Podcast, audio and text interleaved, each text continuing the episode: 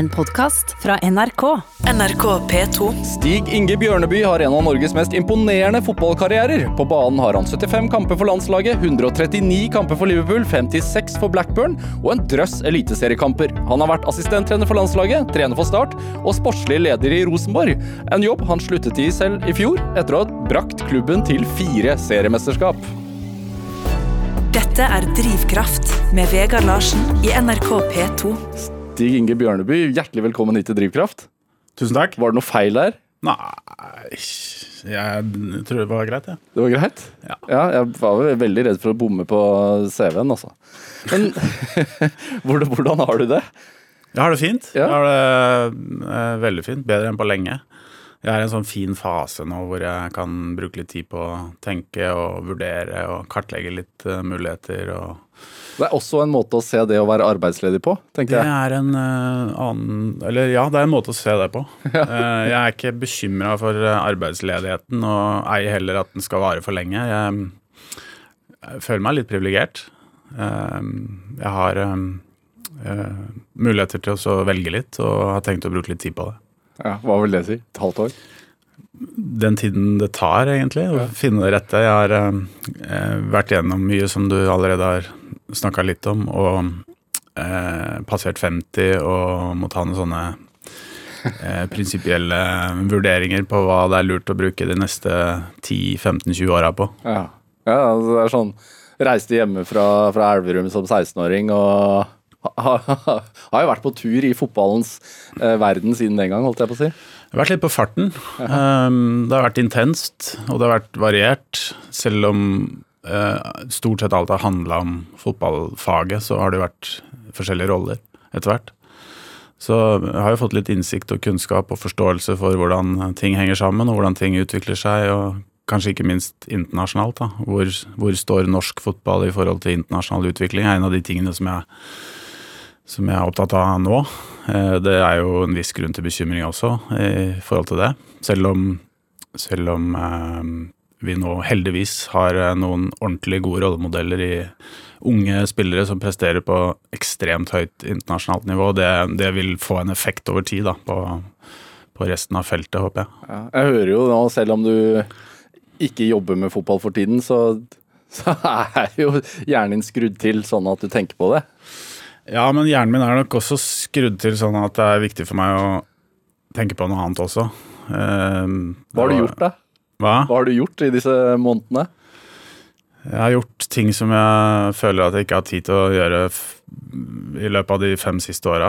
Um, og det, det er en eh, god følelse, men samtidig så gir det et litt vemod også. Fordi man, man finner jo ut av hvor, um, hvor intenst eh, fokuset har vært på, um, på jobb, da. Ja. Eh, Det går jo på bekostning av ting som det ikke er noe ålreit å tenke på når du først får tid til å tenke på det. Familie, blant annet. og det er litt sånn det, er, det blir veldig intenst, og så blir det for meg personlig over tid litt for smalt.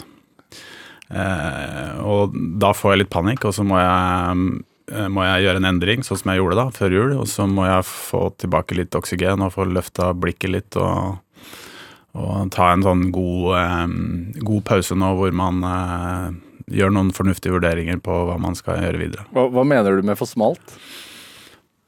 Altså, det har jo litt med, med jobbens natur å gjøre. Det å være um, i en sånn posisjon eh, er, er sportslig leder leder i Rosenborg er um, uh, veldig intenst og krevende 24-7. Man snakker gjerne om at det er to overgangsvinduer i året, men egentlig så er det ett konstant overgangsvindu hele veien. Det er eh, det er et smalt fokus, da. Eh, og mist, mister litt eh, dybde og refleksjon, føler jeg. Da, da, det, er, det, det, det er litt farlig, så du, må, du må faktisk bruke litt tid på å få oversikt igjen etterpå. Ja. Det er jo det er jo noen som har sagt sånn at uh, fotball er, viktig, altså er viktigere enn å leve og dø. det er langt viktigere enn det. Ja, det er det viktigste av det uviktige, eller noe sånt. Ja.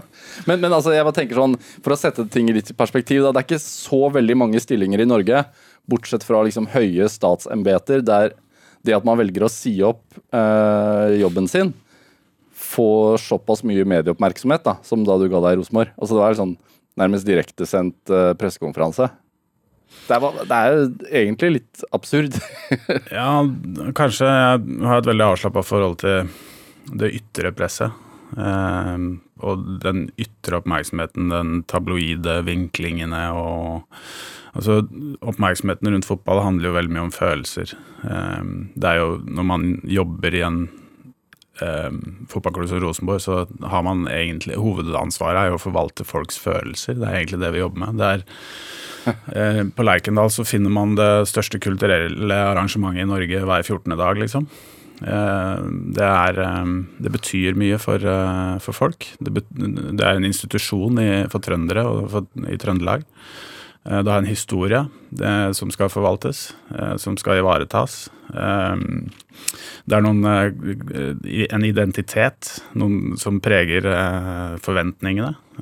Hvordan man skal spille fotball, hvordan man skal vinne, kravet om å vinne. Eh, fadesen, eh, katastrofen ved å ikke vinne, blant annet. Altså det, dette, er jo, dette, er jo, veldig følelsesstyrt. Og så blir det jo på mange måter vår oppgave å, å um, forholde seg til virkeligheten i det. Og forstå, forstå utviklingen. Eh, ikke minst internasjonalt, da, fordi Rosenborg er en av dessverre da, en av svært få norske klubber som har en uttalt internasjonal ambisjon. Eh, og da da krever det også sitt i et, eh, i et tøft marked der eh, en rivende utvikling internasjonalt, ikke minst eh, økonomisk, som er vanskelig å, vanskelig å henge med på. Det du egentlig beskriver nå, er vanvittige summer? Ja, det er astronomiske summer etter hvert. Altså, man har spilleroverganger på to milliarder, liksom, og Rosenborg har en øh, oppnådd nå rekordomsetninger på rundt 300 millioner, som også er betydelig. Så det er et ansvar. Ja, Det er liksom Det er ene benet til Mbappé, eller Mbappe eller en eller annen fotballspiller. ikke sant, så det er helt eh, Men altså, det er sånn noen, noen tenker jo kanskje sånn Altså, han jobber jo bare med fotball. Uh, er, hvorfor skal det få så mye oppmerksomhet? Altså, men hvis du skal sammenligne den jobben du har hatt som, som sportslig leder i Rosenborg, med et firma og så liksom sette det litt i perspektiv eh, for folk som ikke er opptatt av fotball i det hele tatt. Altså, hvordan er det å være sportslig leder da i Norges største fotballklubb? Da måtte jeg visst litt mer om uh, hvordan det er å jobbe i et vanlig firma, tror jeg. Men det er jo hvis Altså, i, som jeg sa, så er det jo noen forventninger om at ikke bare at Rosenborg skal vinne, men skal vinne på et, på et særskilt vis, da. Mm som, eh, som assosieres i sterk grad til det som skjedde på 90-tallet under Nils Arne Eggen, hvor man rulla opp angrep etter angrep mot Real Madrid og rundspilte de store, de store klubbene um, i utlandet. Mm. Uh, nå er det faktisk sånn at de, disse klubbene det er snakk om her, har jo for lengst forstått prinsippene i det å trene best og det å ha et sterkt kollektiv og det å ha en, en samhandling i laget osv. Så videre, sånn at Eh, de andre eh, klubbene utvikler seg jo også. Eh, og det er jo det Rosenborg skal forsøke å henge med på, på nå. Når det er sagt, så er det klart at hvis du i næringslivet hadde vært gjennom en sånn type femårsperiode som jeg har vært, sammen med en rekke andre eh, dyktige medarbeidere, selvfølgelig, da. trenere, daglig ledere, godt styre osv., mm. Eh, og oppnådd de dokumenterbare resultatene som vi har gjort. Så Fire seriemesterskap, cup ja, cuper, to ganger. Dette, Vant et dobbelt to år på rad. Net, netto overskudd på en kvart milliard kroner på fem år osv. Det, det ville jo ha stått seg i næringslivet på en litt annen måte enn det gjør i et i et uh, følelsesstyrt uh, bransje som fotball. Ja, for Likevel, på tross av dette, liksom, så, så raser uh, supporterne, eller vil at du skal gå. Det er veldig rart, syns jeg. Men altså, det, en av hovedoppgavene dine er jo eh, vinne, og det har vært å skape vinnerkultur. Ja, det er jo det det handler om uh, for meg. Um, det som for så vidt er drivkraften min nå, er jo det å hele tiden være såpass rastløs at man uh, vil vite hvor grensene går, og hvordan man kan dytte på dem og sprenge dem. Um, det er en uro i det. Det må være en konstruktiv uro i, uh, i alt vi gjør i forhold til å mislike det å stå stille og mistrives dønn midt i flytsonen osv. Man vil gjerne oppsøke um, ytter, ytter, yttergrensene. Beskriver du deg selv nå, egentlig? Ja, og Ja, det gjør jeg nok, men eh, jeg beskriver vel egentlig det det vil si å være en uh, ambisiøs, sulten uh, toppidrettsutøver også. Det er vel det som skiller de beste utøverne uansett idrett fra normen. Altså Folk flest er jo normen. Normale mennesker får normale resultater. Så det er vel som Var det Finn Skårderud som en gang sa at skal man lykkes i toppidrett, så må man i det minste være litt gal. det, det, tror jeg er en fordel. Ja. Er det Du har jo lykkes, da. Til en viss grad så har jeg det. Ja, Det er jo ikke til en viss grad. Den CV-en jeg leste opp til starten her, er jo et bevis på det. Så, så vil du si at da du selv har et, et snev av galhet i det? Ja, jeg er ikke noe jeg er ikke noe beskjeden i forhold til å innrømme det. Altså, jeg, jeg har nok vært Det skjedde et eller annet uh, et eller annet tidspunkt i ungdommen at jeg fikk en eller annen revenge of the nerds. Jeg, jeg vokste jo opp uten spesielt god eh, mestringsfølelse på noen områder, egentlig. egentlig. Om det var skole eller idrett eller sosiale nettverk eller hva det var. Så, så um, skjedde det et eller annet litt uh, på et eller annet tidspunkt i ungdommen hvor jeg um, fikk lyst til å prestere, fikk lyst til å utvikle meg. og fikk en veldig sånn kompromissløs holdning til meg selv og den innsatsen jeg skulle legge ned for å lykkes. da. Ja. Og det er, det er, jo den uroen der som, som uh, har balla på seg og vart lenge, og egentlig tatt meg et stykke på veien. da. Ja. Så kjenner jo, jeg kjenner jo fortsatt den uh, uroen, selv om jeg har passert 50 nå. så, så nå når du da er på utkikk etter en, en ny jobb, så det er viktig for deg at det er en jobb som gir deg litt motstand? Da. Ja, en av suksesskriteriene er jo, er jo å oppsøke motstand. Ja. Som for så vidt er det motsatte av um, minste motstands vei. Som igjen kanskje er det de fleste ville velge hvis man, uh, hvis man hadde to valg. Skal man velge den harde veien, eller skal man velge den enkle veien? Ni til fire-jobb, gjør jobben sin, kommer hjem, slapper av. Ja, men jeg tror vi, Samfunnet vårt er jo rigga sånn. Altså man, I Norge så kan man jo fint velge den enkleste veien, og så kommer det til å gå bra med oss likevel. Ja. Vi blir jo fanga opp i alle bauger og kanter, og det, det, går jo stort sett bra med oss. Så um, det er ikke prangende nødvendig for alle å gå den harde veien, men hvis du vil bli best, så må du det. Dette er Drivkraft med Vegard Larsen i NRK P2. Og i dag så har vi tidligere fotballspiller Stig Inge Bjørneby her hos meg. Uh, vi snakket så vidt om, om, oppveksten din. Altså, du har vokst opp i Elverum. Mm. Uh, faren din var uh, kjent skihopper, Jo Inge Bjørneby. Altså, han var såpass god at han deltok i to OL. Ja, han var det. Fikk du høre det mye da, han vokste opp, da du vokste opp? Jeg har deltatt i OL. Nei, han var det jeg vil kalle kanskje sånn idealmodellen på en bra idrettspappa. Hva, hva, hva vil det si? veldig sånn tilstedeværelse, støttende. Um, skapte, skapte veldig godt miljø. Han brydde seg om hele laget. Han var jo selvfølgelig da trener sammen med en annen fornuftig pappa. Fotballtrener for ja, ja. yngre spillere? Ja, ja, for deg selv også? Ja, ja, ja. Og uh, var opptatt av å skape et godt miljø. Og uh, trygghet, trygge rammer. Se alle. Så det var en herlig tid, det. Altså. Han, eh, han, han, var jo Han gikk jo bort dessverre for noen år, år tilbake. Han eh, har alltid vært eh, den viktigste støttespilleren min. Bestekompisen ble det jo etter hvert også, etter hvert som jeg ble voksen. Ja. Så en herlig person og en viktig person å ha med seg såpass lenge som jeg fikk muligheten til. Er det, når man reiser ut såpass ung for å spille fotball og sånne ting, er det er det har man, har man, så få støttespillere rundt seg og så lite nettverk at uh, foreldrerollen blir helt ekstremt viktig? Jeg tror det kan være litt individuelt hvordan man føler det. Ja. Jeg, når jeg reiste fra trygge, for det var det jo, veldig trygt i Norge, uh, de miljøene jeg hadde vært i der med, med Rosenborg som siste stoppested, da, så, så, var det jo en brutal overgang i forhold til akkurat sånne ting. Det med trygge rammer. Når man i en alder av 22 år eh, pakka bagen veldig plutselig og befant seg i Liverpool dagen etter. For det gikk fort. Og der har Eller var, var i hvert fall ikke den gangen samme apparatet eh, i forhold til tilrettelegging og um, ta vare på um, helheten, da. Det, det, er mer survival of the fittest. Og det vil jeg tro det fortsatt er i dag, selv om selv om støtteapparatene har um, utvikla seg veldig, Ja. Eh, så, så var det jo en følelse av mer ensomhet i, et, i en stor verden. Ja. Med langt mer press, kan ikke sammenlignes, og større forventninger. Og det var Liverpool som en sånn verdensbrand. eh, Da Altså en av historiens aller største fotballklubber, da.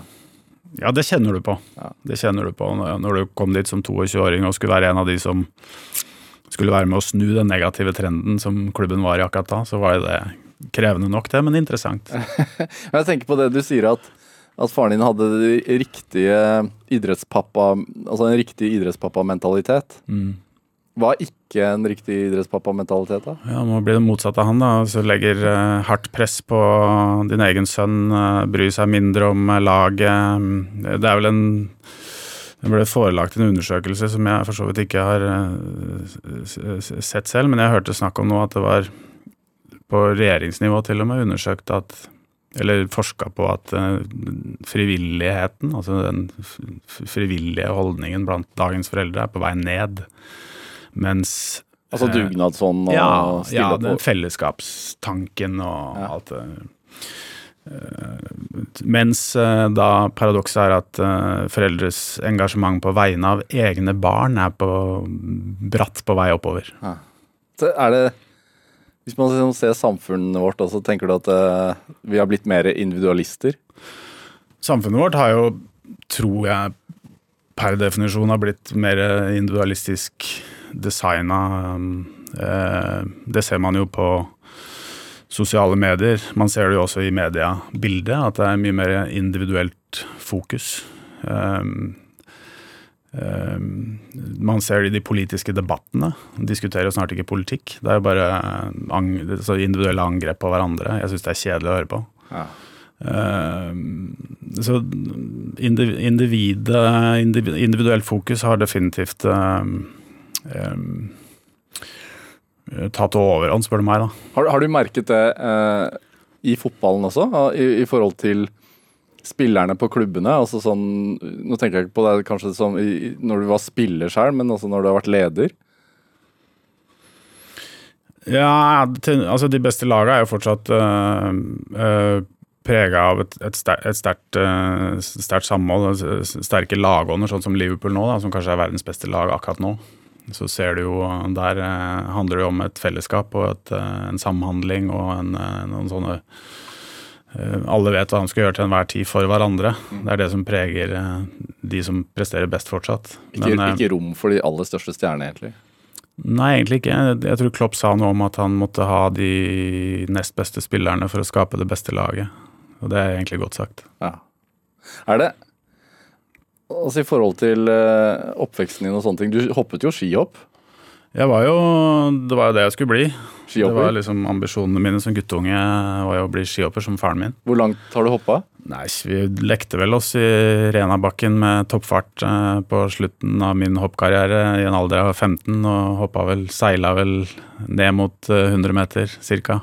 Oi, når, eh, Husker du når du hoppa første gang? Ja, det var jo en seks Jeg fikk eh, nye Kongsberg-ski i julegave som seksåring.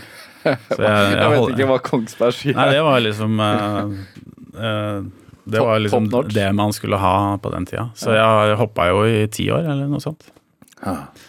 Hva er det Hva er den største utfordringen med å sette utfor? Det, det er vel um, mentale etter hvert, da.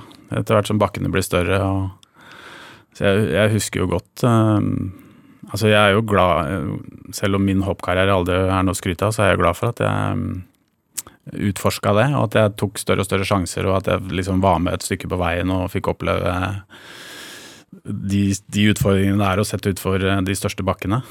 Så det er sånn eh, god mental øving i forhold til selvkontroll og beherske, beherske tøffe utfordringer. Ja, For det kan jo gå gærent, da. Veldig gærent, faktisk. Men, men altså, du ble jo ikke skihopper, du ble fotballspiller. Du ble en fryktelig god fotballspiller. Ehm, og, og, og veldig mange som har spilt fotball, i hvert fall så var det sånn for meg da jeg spilte fotball, er at i løpet av ungdomstida så er man liksom nødt til å bestemme seg for å satse. Eh, fordi opp til et visst aldersnivå så er man liksom mer eller mindre på samme samme nivå. Altså Man ser noen som har talent, noen som ikke har det. Og så må man bestemme seg for å satse fordi man skjønner at det må liksom mer enn sånn normal trening til. da. Husker du når du sjøl bestemte deg? Jeg tror det var um, Jeg tror det var en uh, Jeg var ca. 15, som er ganske seint, vil jeg tro. Før jeg var 15, så hadde jeg ikke noe veldige mestringsfølelser i noe som helst. Hvordan, hvorfor ikke det? Jeg vet ikke. Modning, vekst, uh, sosial tilhørighet. Uh, vet ikke. Det er mange av de tingene som jeg har vært gjennom som jeg ikke kan ha noen god forklaring på, egentlig. Men jeg tror det handler om i bunn og grunn så handler det om en uh, ubønnhørlig indre motivasjon. og må, Det er jo der drivkraften ligger. Jeg syns det er krevende å se at man kan finne varig nok, slitesterk nok motivasjon ifra ytre ting. Altså status, makt, materialisme, posisjoner. Altså det, det, det, det har, jeg har ingen tro på at det varer over tid. Det må det må ligge latent inni deg. Det må være en drivkraft som kommer innenfra. Hvis ikke så blir den altfor sårbar i forhold til motgang, eller eh, man får en Begynner å måle seg selv opp mot andre, eh, f.eks. Hva var det som utløste det for deg, da? Nei, Det var en lyst til å mestre. Det var en lyst til å få til noe. Det var en lyst til å legge ned nok arbeid eh, til å føle at man mestra. Oppnådde mestring. Og da eh, ball, det baller jo på seg, som sagt. Altså, hvis man Jeg hadde kortsiktige mål. Jeg hadde jo aldri Heldigvis, altså heldigvis. Jeg hadde aldri et mål som åtteåring, tiåring, tolvåring, 15-åring om å spille Liverpool. Å oh, nei, ja, men nei. Du var, du var Liverpool-fan? Ja, jeg var Liverpool-fan, men hvis målsetningen min hadde vært å spille Liverpool, så hadde jeg aldri spilt i Liverpool. Fordi veien frem er altfor lang, og det, du, du, vil naturligvis oppnå for mange skuffelser underveis med en sånn type målsetning. Så jeg, jeg jobba med kortsiktige mål. Jeg jobba med sånn mål som jeg nesten kunne ta på. Som for eksempel? Bare det å nå neste nivå i forhold til å spille seg inn på guttelaget, eller eh, Ja, For du var, ikke, du var ikke engang på laget? Nei, det var jeg i lange perioder ikke, i ungdomsåra. Eh, som, som, heller ikke trenger å være så kontroversielt, for så vidt. Men jeg var nok ikke det, og, og begynte da å jobbe med ting som jeg kunne påvirke. Og det var jo for min del å, å jobbe hardere, trene mer, gjøre noe som ikke de andre gjorde. Sånne ting, Så jeg satte i gang et prosjekt der som eh, for så vidt var um, mindre gjennomtenkt enn det jeg kan ordlegge nå. Det er, det er, lettere å sette ord på hva som faktisk skjedde nå, enn det var for meg den gangen. Men jeg, jeg begynte å jobbe hardt. Jeg begynte å jobbe um, mye på egen hånd. Trene på egen hånd? Trente, sprengte grenser, pinte meg sjøl gjennom hvordan, tøffe ting. Hvordan da? Trening, fysiske grenser, mentale grenser. Jobba hardt, trente mye, holdt på for meg sjøl. Stillferdig. Snakka ikke så høyt om det. Men fortell, nå, nå, må du snakke høyt om det, Stig Inge Bjørnby. Det er sånn, hva, hva, altså, sånn, kan du beskrive en altså, Når du sier at du pinte deg selv og presset deg selv, uh, og så tenker jeg sånn fordi det jeg sa at når man er i den, altså midten av tenårene, så må man bestemme seg ok, nå skal jeg bli god eller ikke. Og veldig mange føler kanskje på det. De sitter på benken og så tenker de nei, jeg får ikke til dette jeg er ikke god nok mens du gjorde det motsatte. Hva, hva, kan du gi et bilde på en sånn treningspress du la på deg selv? Det Gi et bilde på det. Altså, det er jo å altså, lage seg en eh, noen For jeg hadde en betydelig indre dialog. Jeg snakka mer med meg selv enn jeg gjorde med noen andre. Sånn at den kommunikasjonen, den indre dialogen, tror jeg er en viktig del av den indre drivkraften. Altså indre motivasjon. Det å bestemme seg for noe ene dagen, og faktisk gjøre noe med det andre dagen. Altså, så jeg bestemte Jeg sa til meg selv hva jeg skulle gjøre treningsmessig dagen etter. Og om det pissregna eller var 15 grader, minusgrader dagen etter, så gjorde jeg det. Så, det var, så du, du, du, Jeg bygde opp en prestisje, indre prestisje, som jeg ikke kunne skuffe. Jeg hadde bestemt, sagt til meg selv at jeg skulle gjøre det, så måtte jeg gjøre det. Så det, var, det er egentlig sånn det starta. At det, det ville være en nedtur For deg selv? For meg selv, hvis jeg ikke gjorde det jeg hadde bestemt meg for å gjøre. Og veldig raskt da så oppnådde jeg forbedringer. Jeg oppnådde resultater. Jeg oppnådde at jeg, jeg mestra ting bedre. Og da starta det jo en veldig sånn inspirerende måte å jobbe på. Så derfor så er jeg opptatt av, veldig opptatt av at uh, man kan snakke mye om spillerutvikling, eller altså barnefotballdebatten som dukker opp hver vår før fotballsesongen med foreldreroller og topping av lag og bredde kontra topp osv. De, de, de, de eh, samfunnsdebattene der de kommer jo hvert år, men de kommer seg aldri videre, ser det ut som. De står bare og stamper i samme eh, Det er sånn drøvtygging hvert år. Mm. Eh, så jeg er helt overbevist om at motivasjonen må komme innifra. Og det er vanskelig å systemforklare Erling Braut Haaland eller Martin Ødegaard eller Sander Berge ja. eller Kristoffer Ayer. De fire der er totalt ulike. Alle har tatt ulike veier. Eh, alle har eh, forskjellige historier. Eh, men de har noen fellesnevnere. De har helt sikkert en veldig gjenkjennende altså gjenkjennelse i forhold til det vi nå snakker om. At den indre driven er så utprega, så stor, og så stillferdig. Altså, dette er ikke folk som har busa ut med uttalte ambisjoner og osv. osv. Dette er folk som har hatt um, en klar og tydelig um, formening om hvordan de skal jobbe for å bli bedre. Noen av de har hatt fotballfedre, da. Kanskje alle? Veldig mange av uh, suksesshistoriene i norsk idrett de siste åra er uh, familieprosjekter. Ja. Uh, Hva sier det, tenker du? Det er, altså, det er jo da, hvis man ser på Ingebrigtsen eller Aamodt eller Christoffersen eller eh, Martin Ødegaard, så, så, så er dette suksesshistorier hvor foreldrene har hatt en viktig rolle. Men sannsynligvis også en fornuftig rolle. Eh, jeg, jeg, også, er sikkert også de historiene forskjellige på sitt vis, men det er jo klart at de har gjort noe rett. Det som er faren her, er at uh, alle foreldrene Altså hvis flere foreldre uten den type kompetanse, pedagogisk eller treningsmessig eller uh, hva det måtte være, uh, påvirker i feil retning og tror at det er bare å pushe på, presse på, skape urealistiske forventninger, så kan det jo gå galt. Ja.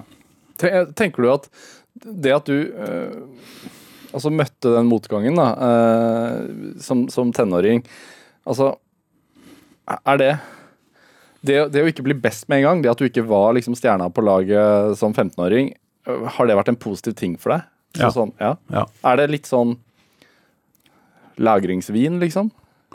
Ja, det vet jeg ikke, men eh, jeg tror eh, hvis jeg fikk velge på nytt, så ville jeg også vært nummer to eller tre i oppveksten. Ja, hvorfor det? Eh, jeg tror det har noe med at hvis du skal bli best, så må du egentlig hele tiden trene som om du er nummer to. I hvert fall hvis du skal forbli best. Jeg, jeg, jeg, dro det et stykke, og så ble jeg værende der en stund. Ja. Det var liksom ikke noe sånn flopp, følte jeg. Det var, det var noe Jeg prøvde å bygge opp en soliditet i bunnen som, som var så slitesterk at den skulle vare. Det, hvis man klarer å få inspirasjon av motgang, så kommer man langt. For da, da, da ser man betydningen av motstand for å bli bedre. Hvis man sier til en spiller at denne uka her så skal du øve spesifikt på et område. Hvis da den spilleren oppsøker den enkleste motstanderen å øve seg på, så, så, forteller det noe om den indre motivasjonen. Men hvis du ser da spilleren instinktivt oppsøker den tøffeste motstanderen å øve seg på, så ser du at man uh, har uh, rett, uh, rett, innstilling til det. Mm. Dette er jo fotballsnakk, men, men det er ganske enkelt å overføre det til andre deler, ja, deler av livet også. Du kan ikke overføre det til stort sett alt, ja. Eh, vil jeg tro. Du kan overføre det til de store de, de, store diskusjonene i livet eller i samfunnet. Ja. Du, er, du, er, pappa selv, da. Hvordan er du som sportspappa? Litt usikker. Jeg tenker mye på det. Jeg har jo vært eh, Jeg har brukt eh, ti år i eh, frivilligheten som trener og leder og sportslig utvalg og lagde sportsplaner og så videre. Så jeg, jeg liksom prøver å sekundere meg selv ut ifra mitt store forbilde, som var faren min. da. Ja. Det er litt tøft å sikkert høre også. Vet jo ikke hvordan det har vært hjemme hos dere, da, men sånn mot, motgang er bra for deg. Jo, Ja, ja, ja, mer motgang nå. Jeg, jeg har eh, ved noen forskjellige anledninger hatt eh, foredrag sammen med Christian Berge, eh, landslagstreneren i herrehåndball. Og Sist gang jeg hørte på Christian Berge, så henviste han publikum til å gå inn på nettet og lese en artikkel som het The Ride Home. Og Det er en artikkel skrevet av en forsker i England, tror jeg det var, som, eh, som eh, så på den, den viktigste årsaken til at barn og ungdom slutter med idrett. Og hva er det? Og det viste seg at det var uh, the ride home, altså det er den bilturen hjem etter kampen med foreldrene.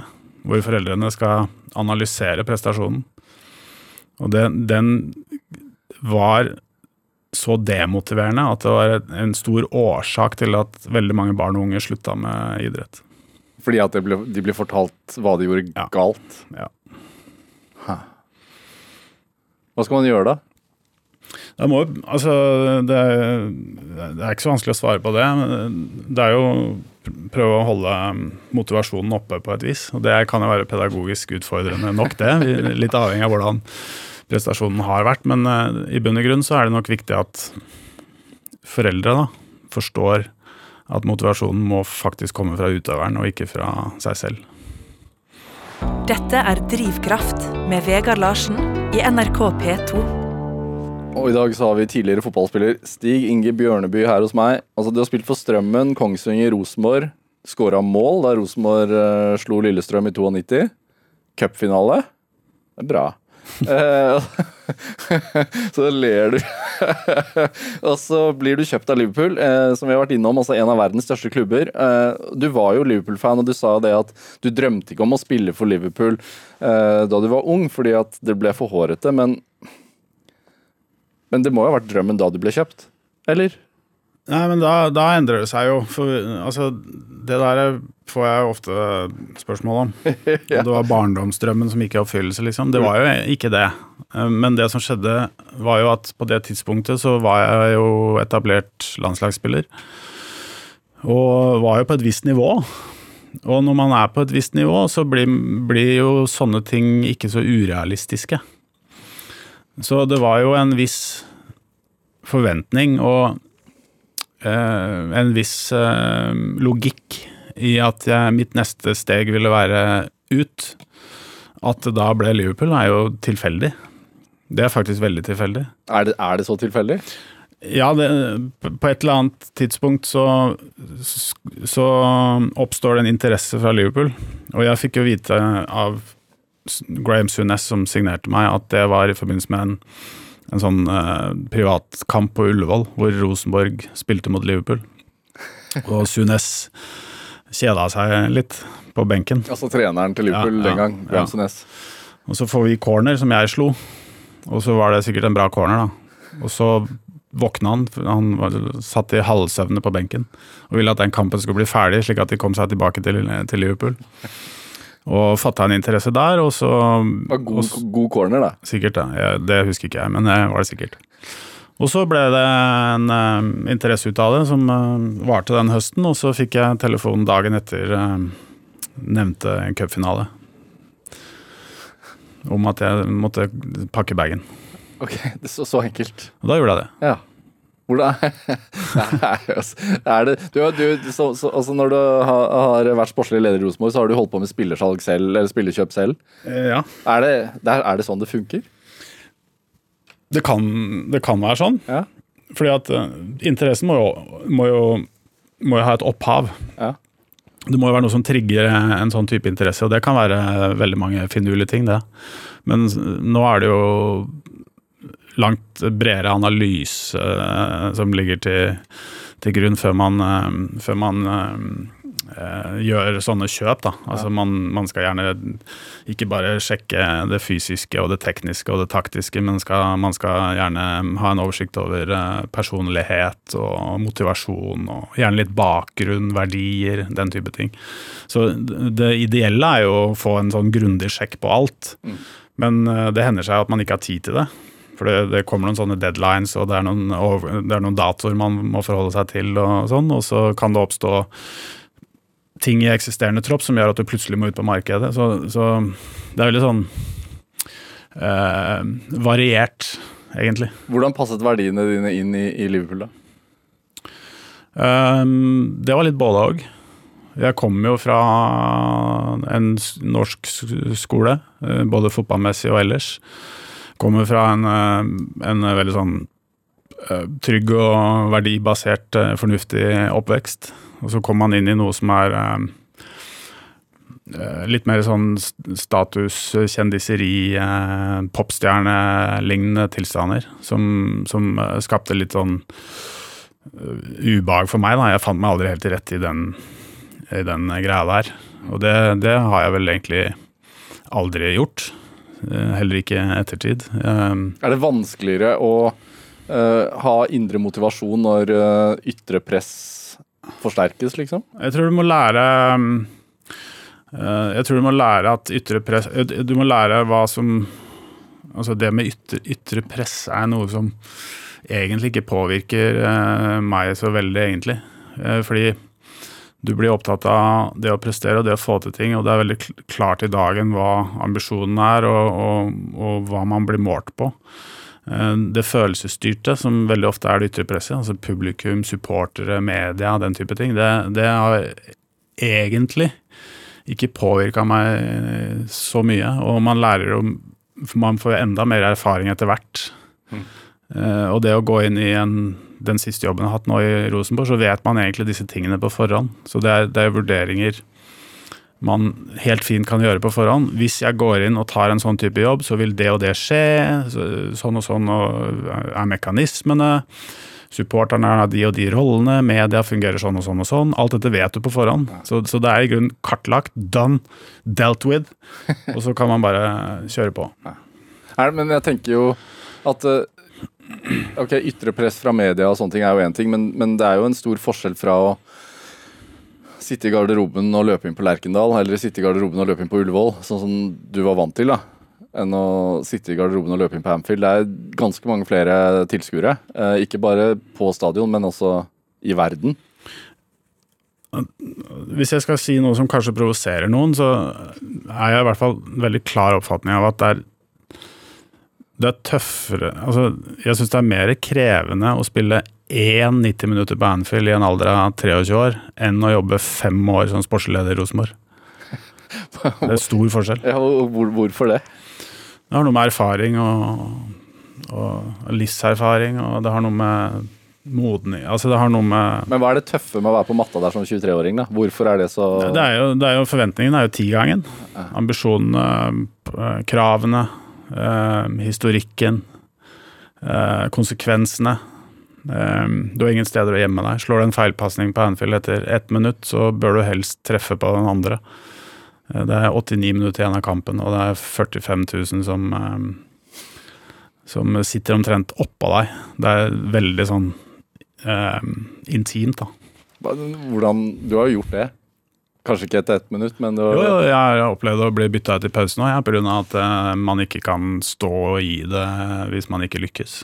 Det, sånn er det jo i, um, i, um, i, Premier League i dag også. Det går fort. Det er, eh, det er um, veldig trøkk. og jeg, du, kan ikke, du, du, kan ikke, stå i det og mislykkes gang på gang på gang. Du må, du må faktisk lykkes for ja. å overleve der. Men altså jeg er jo Liverpool-supporter, såpass ærlig må jeg være. Kan, altså, kan du for meg kan du, meg, kan du forklare hvordan det er å løpe ut på matta? Nei, det, det, er, det, vanskelig å romantisere det, egentlig. For det, det er litt sånn som vi snakka om i stad. Altså forskjellen på det, det, å ha en guttedrøm som guttunge og å ha en realisme i det som uh, profesjonell utøver. Ja. Det, er stor forskjell. Og det, blir jo det blir jo den, altså den mest undervurderte kvaliteten en fotballspiller har på det nivået, er nok den mentale kapasiteten til å stå der gang etter gang etter gang. Og da er man egentlig litt avhengig av å lære seg teknikker for å fjerne seg fra den romantiserende greia. Fordi at du må, du må, du må, du må lære deg hvordan du skal håndtere alle enkeltsituasjonene.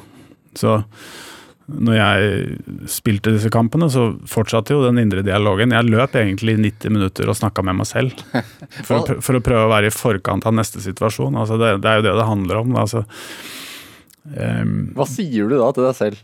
Du snakker om indre dialog. Ja, du, du må ha en sinnssyk oversikt. Og, og, prøve å forutse hva som skal skje neste gang. Altså det handler om hvor skal du ligge i banen, avstand i forhold til ball og motstandere, medspillere, lese spillet. Hele tiden prøve å kartlegge hva som skjer neste gang, og hvordan du kan være i forkant av den situasjonen. Kommer du på etterskudd, så er du ute og kjører. Ja, så det er ikke bare en fysisk eh, Man blir ikke bare sliten fysisk, men også eh, mentalt i løpet av en kamp? Ja, Det er også individuelt. Jeg brukte sikkert uh, uforholdsmessig mye energi på mentale forberedelser. Uh, og kanskje også underveis. Ja. Um, mens jeg så jo Spilte jo sammen med spillere som jeg syns hadde bemerkelsesverdig avslappa forhold. Tilsynelatende, i hvert fall. Men jeg tror veldig individuelt hvordan du håndterer nervøsitet. Som, uh, som for eksempel? Ja, noen kunne jo virke helt uberørt. Helt til kampen starta. Altså, når du går inn i garderoben og skifter og du skal ut og varme opp, og sånne ting, så var jeg langt, langt langt inn i modus. Ja. Mens, mens, andre har andre måter å håndtere den type nervøsitet på. Eh, kanskje til og med gjøre et poeng av at man skal virke uberørt, avslappa. Sånne ting. Så jeg tror det er igjen en eh, eh individuell greie, hvordan man Altså, jeg tenker det er, det er, snakk om unge mennesker eh, som kanskje ikke har et sånt nettverk rundt der. Man er jo e, aleine i disse klubbene stort sett. Det er derfor veldig tror jeg, da, at uh, veldig mange fotballspillere får stifter familie i veldig ung alder i forhold til folk flest. Mm. Uh, er, er, du enig i det? Tror du det er derfor? Uh, ja, ja, for jeg gjorde kanskje det selv. Ja. Vi, vi stifta familie når vi var 26. Ja. Fikk tre barn mens vi var i England. Og, og, men samtidig så er det jo en fantastisk mulighet å stifte familie òg, fordi at eh, selv om du er mye borte og du legger beslag på stort sett alle helgene og det er lite ferier og sånne ting, så har du jo relativt gode dager. Fordi at det er jo ikke Du trener jo ikke fra åtte til fire. Så du trener kanskje intenst eh, to-tre timer om dagen, maks. Og så er jo en del av arbeidsdagen på et sånt nivå handler jo om hvile. Gjenskape overskudd, den type ting. Og, og da opplevde i hvert fall vi at eh, det å det å stifte familie og ha små barn og gå turer i skogen på ettermiddagen og sånne ting, var utrolig fin tid, da. Ja. For man er ikke så mye sammen i laget ellers? Nei, jeg var ikke det. Er det, altså det, det, er en del fotballspillere eh, opp igjennom som, som bukker under eh, for kanskje få press i løpet av karrieren, men er det Tenker du at det er personavhengig, eller eh, er det hvordan man takler presset på, som har noe å si? Ja, Det er vel begge deler. Altså Miljøet eh, sånn som det er nå, og for så vidt også var eh, når jeg spilte, som begynner å bli noen år siden, da, så, så, er det klart at uh, du er du er ung i forhold til å skulle håndtere alle de ekstreme potensielle fallgruvene. Ja. Du, du, får annet plutselig veldig mye penger om hender. Du får veldig plutselig en helt annen status. Eh, du opplever plutselig at eh, du blir opphøyd til noe du ikke har noe særlig gode forutsetninger for å takle, egentlig. Sånn at du skal være veldig oppmerksom på, på disse tingene. Eh, for du blir, jo, du blir, jo, opphøyd til noe du egentlig ikke er. Og det òg handler om følelser og, og, og altså folks engasjement til fotball. Og jeg syns jo hele den greia var ubehagelig. Så, men det måtte jo takles for de. Du, ja, ikke sant, for fansen? Ja, altså ikke fans, media det, altså, ja. Til og med folk nær deg ja. ser jo plutselig på deg på en annen måte enn de gjorde dagen før du havna der. Hvordan opplevde du det, da? Nei, jeg syns i utgangspunktet det var eh, Etter hvert så opplevde jeg at det var ubehagelig. For det, det, var liksom ikke Det var ikke riktig. Det var ikke, det var ikke ekte. Ja. Det var ikke ekte. Ja. Er det litt, altså, du, du, har skrevet en, en, bok om tiden din i, i, toppfotballen, altså løsrivelse. Eh, og, og, Der beskriver du jo at du ser på bildet av deg selv som ung fotballspiller eh, foran et stort mål, og at du smiler. Og så ser du på deg selv eh, som proffspiller i Liverpool, og du ser liksom at smilet er borte. og så beskriver du en sånn tung tid for deg. Eh, hva, hva var det som Altså, hvorfor var det mørkt for deg? Den boka er jo ikke Den er selvbiografisk, men det er jo ikke noe selvbiografi. Altså, den ville nok vært litt tyngre. Jeg beskrev noen sider ved det jeg opplevde, som, eh, som ingen uh, hadde belyst før, og som jeg mente kanskje var en fordel å belyse. Uh, om ikke annet for å hjelpe noen andre. Mm. Jeg takla det på mitt vis. Jeg hadde egentlig to forskjellige liv. Jeg hadde intens, krevende arbeidshverdagen. Og så hadde jeg et utrolig uh, flott familieliv ved siden av. Og det er, jo, det er jo to vidt forskjellige innganger. For at den tilværelsen jeg hadde privat, var jo der du fikk energi, og der man kunne føle seg ekte. Mm. Uh, og så skulle man inn i den bobla hvor forventningene og presset og kravene og kjendiseriet og alt dette her uh, var så intenst. da. Så, så, så syns jeg det var ubehagelig, og jeg fikk kanskje selvdiagnostisert og for så vidt, men jeg, jeg hadde paradoksalt jævlig sosial angst parallelt med at jeg var på toppen av karrieren. Jeg syns, jeg syns det var eh, rett og slett uh, ubehagelig å bli opphøyd på den måten. Er det Det er jo eh, Det å bli opphøyd er jo noe de færreste møter, da. Uh, på den måten. Uh, men, men, psykisk helse er noe veldig mange sliter med. spesielt mange unge i dag. Mm. Er det Altså, hva var vendepunktet for deg? Altså, Hvordan jobbet du deg ut av det? Skrive skrive? Jeg tror eh, psykisk helse det, Dette er jo sikkert relevant i forhold til psykisk helse, men for meg så handler jo boka om psykisk styrke. Det handler om egentlig å beskrive noen situasjoner som var ekte. Altså, De var i hvert fall ekte i forhold til hvordan jeg opplevde dem.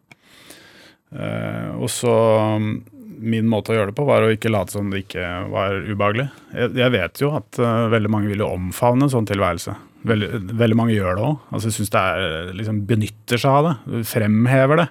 Prøver å leve på det i ettertid, blant annet. Jeg, jeg har et anstrengt forhold til fortida. Jeg må videre. Liksom, jeg, må, jeg, drives av å komme meg videre. Jeg kan ikke jeg kan ikke leve nå på at jeg har spilt i Liverpool, f.eks. Nei, det er, mange, det er jo mange som gjør det. Det er det mange som gjør. Men hva, men hva i deg hva, hva skyldes den uroen, da? Hvis jeg skal beskrive det? Nei, jeg tror jeg, Det er vanskelig å si. Ja. Det er vanskelig å si. Jeg, jeg tror, jeg tror um, um, jeg tror, jeg tror bare jeg er opptatt av å føle at jeg står i en fornuftig utvikling. Ja. Men er du, er du, stolt av merittene dine, da? Jeg burde kanskje ha vært mer stolt av det. Og jeg er jo, hvis man går i dybden på det, så skal jeg tillate meg å være litt stolt av det jeg har gjort. Men jeg, jeg har et anstrengt forhold til det blir jo veldig ofte trukket fram. Det blir veldig ofte snakk om det. Jeg blir, uansett hvilke, hvilke eh, miljøer jeg blir introdusert til, eller om det er et Jeg skal i et 60-årslag i kveld, blant annet, eh, så, så, blir det helt sikkert snakk om Liverpool. Ja. Og det er fint, det. Og jeg må lære meg å, å være um, mottagelig og høflig og alt dette her. Og det har jeg lært meg etter hvert. Men jeg var dårlig på det før, altså. Jeg har vært dårlig på det, og jeg har, vært, jeg har sikkert vært utakknemlig.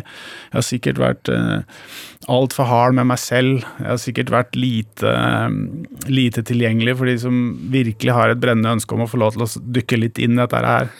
Så, så jeg har jo dårlig samvittighet for alt det òg, men, men, så er det klart at uh, jeg må jo tillate meg å akseptere at noe av det jeg har gjort, har vært ok. Ja, for jeg traff deg på utsiden nå før vi gikk inn der, så, så, sa du jo til meg sånn Håper ikke vi bare skal snakke om fotball.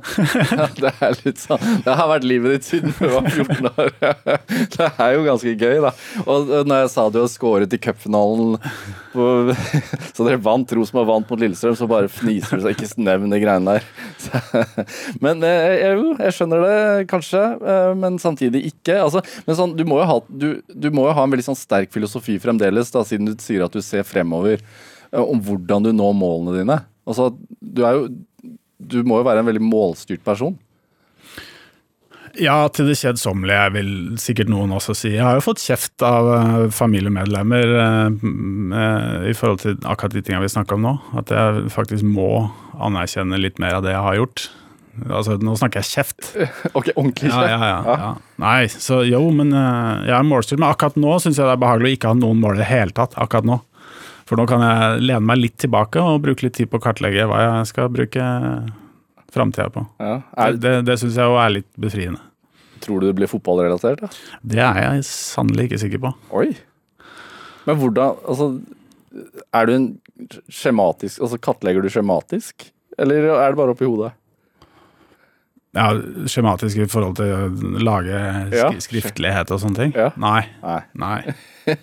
Men, men du nevner familien din, Stig Bjørnby, og jeg tenker sånn du, du er gift med en tidligere håndballspiller, altså Hege Frøseth. og Har det vært godt for deg at hun har hatt sterkt kjennskap til idrettsmiljøet?